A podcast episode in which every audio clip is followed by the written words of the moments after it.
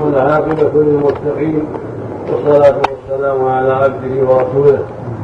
وخيرته من خلقه وأمينه على وحيه. نبينا وإمامنا وسيدنا محمد بن عبد الله وعلى آله وأصحابه. ومن سلك سبيله واهتدى بهداه إلى يوم الدين. أما بعد قد سمعنا جميعا هذه الندلة المباركة التي تولاها أصحاب الفضيلة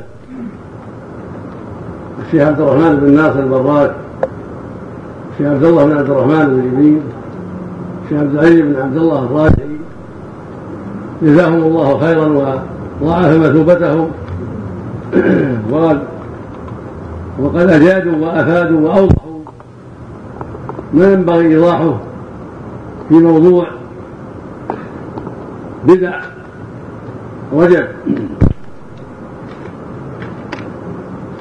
قد بين المشايخ ما يجري في هذا المقام فإن رجب هو أحد الأشهر الحرم التي نص عليها في الجملة القرآن, القرآن العظيم وبينها رسولنا الأمين عليه الصلاة والسلام. اللهم صل وسلم على محمد. وهي ثلاثة متواليات ذو القعدة وذو الحجة والمحرم وهو عاشوراء. والرابع رجب الفرد الذي بين جمادى وشعبان. والله عز وجل بين حرمتها وحذر من الظلم فيها. وحذر من إحلالها. حيث قال جل وعلا يا أيها الذين لا تحلوا شعائر الله ولا الشهر الحرام. وحيث قال سبحانه وتعالى يسألونك عن الشهر الحرام قتال فيه. قل قتال فيه كبير. وقال عز وجل إن عدة الشهور عند الله اثنا عشر شهرا في كتاب الله. يوم خلق السماء والأرض منها أربعة حرم. ذلك الدين القيم. فلا تظلموا الحساب القيم. فلا تظلموا فيهن أنفسكم. فحذر من ظلم النفوس فيها. ومعلوم أن ظلم النفوس أمر محرم مطلقا في جميع الزمان والمكان. ليس للمؤمن وليس لأحد يظلم نفسه بالمعاصي والشرور وأعظمها الشرك بالله عز وجل. فليس لأحد يظلم نفسه بما حرم الله عليه لا في الأشهر الحرم ولا في غيرها ولا في أي مكان. ولكن الله خص الأشهر الحرم مزيد. تأكيد للتحريم. وأن الظلم فيها يكون أشد إثما وأعظم جريمة. كما أن المعاصي في الحرم الأرضي في الحرم المكاني في حرم مكة حرم المدينة أشد إثما وأعظم جريمة. حتى جعل الله جل وعلا الهم بالمعصية محل وعيد في الحرم المكي حيث قال سبحانه ومن يرد فيه بإلحاد بظلم نذيقه من عذاب أليم. الله أكبر. فهذه الأشهر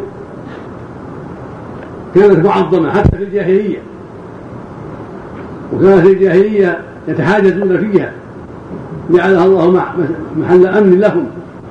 يسافرون فيها لأداء المناسك ولحاجاتهم وتجاراتهم. فإذا خرجت ثارت الفتن بينهم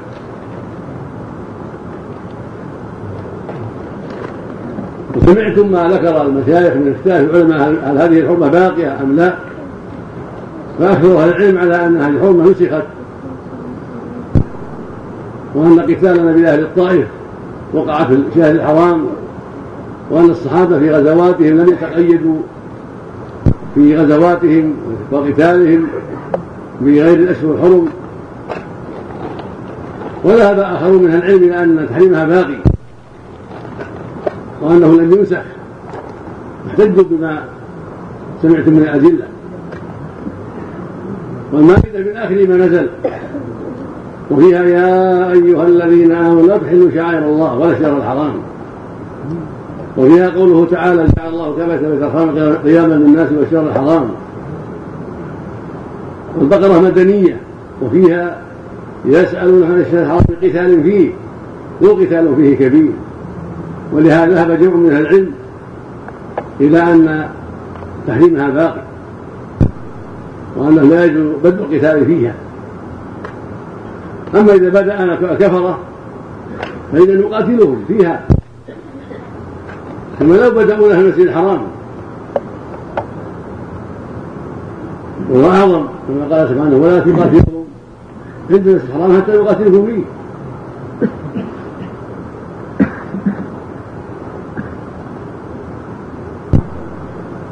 وإنما محل الكلام في تخصيصها بعبادات.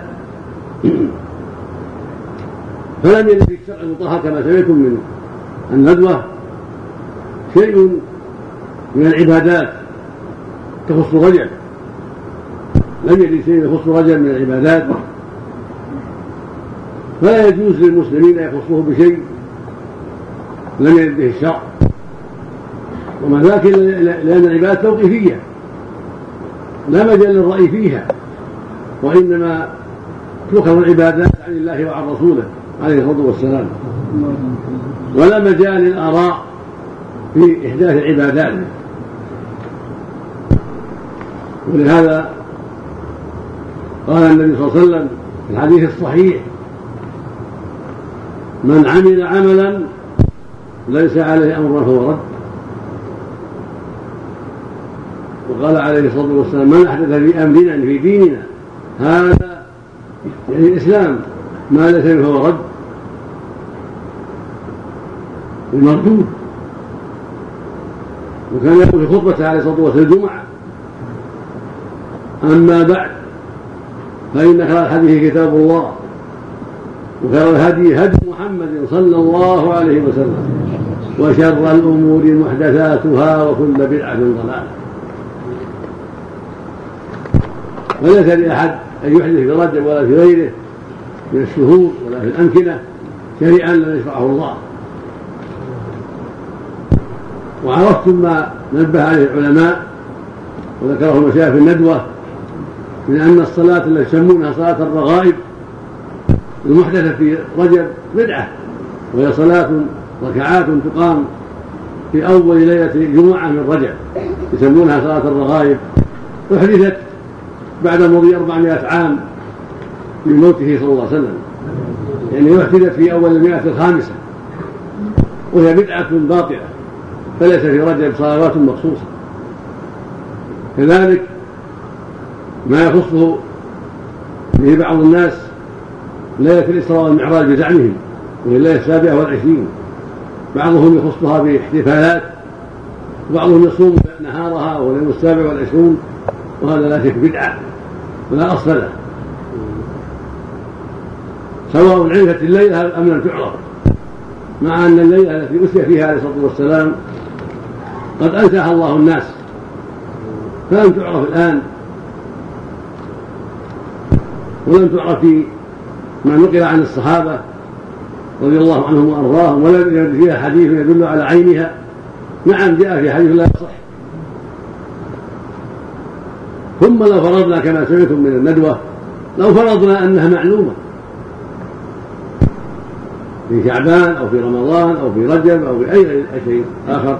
لم يخص بشيء لم يشرعه الله عز وجل. والرسول أعلم بها عليه الصلاة والسلام والصحابة بعده أعلم وأحرصوا منا على الخير وأرغبوا في الحق والعبادة. فلو كانت تلك الليلة تخص بشيء وشرع الله فيها شيئا لما ضيعوه ولما تركوه. وهم احرص الناس على الخير اسرع الناس إلى كل عمل صالح. وهم السابقون.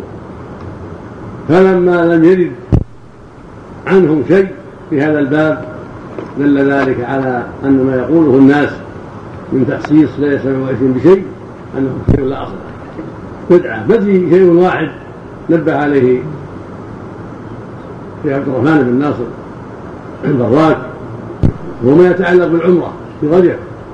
ذكر الحافظ رجب رحمه الله وجماعة أن عمر كان يعتمر في رجب.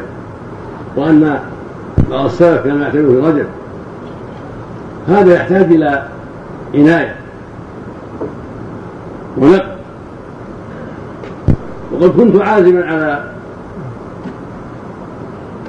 إعداد هذا الشيء قبل هذه الندوة ولكن شغلت عن ذلك وأنسيته. وسوف يعد إن شاء الله في الليلة الآتية في الجمعة الآتية إن شاء الله. حتى يكون أن أكون نكون في هذا على بينة واضحة. فلا يكفي أن ابن رجب ذكر ذلك ولا يكفي أن غيره ذكر ذلك.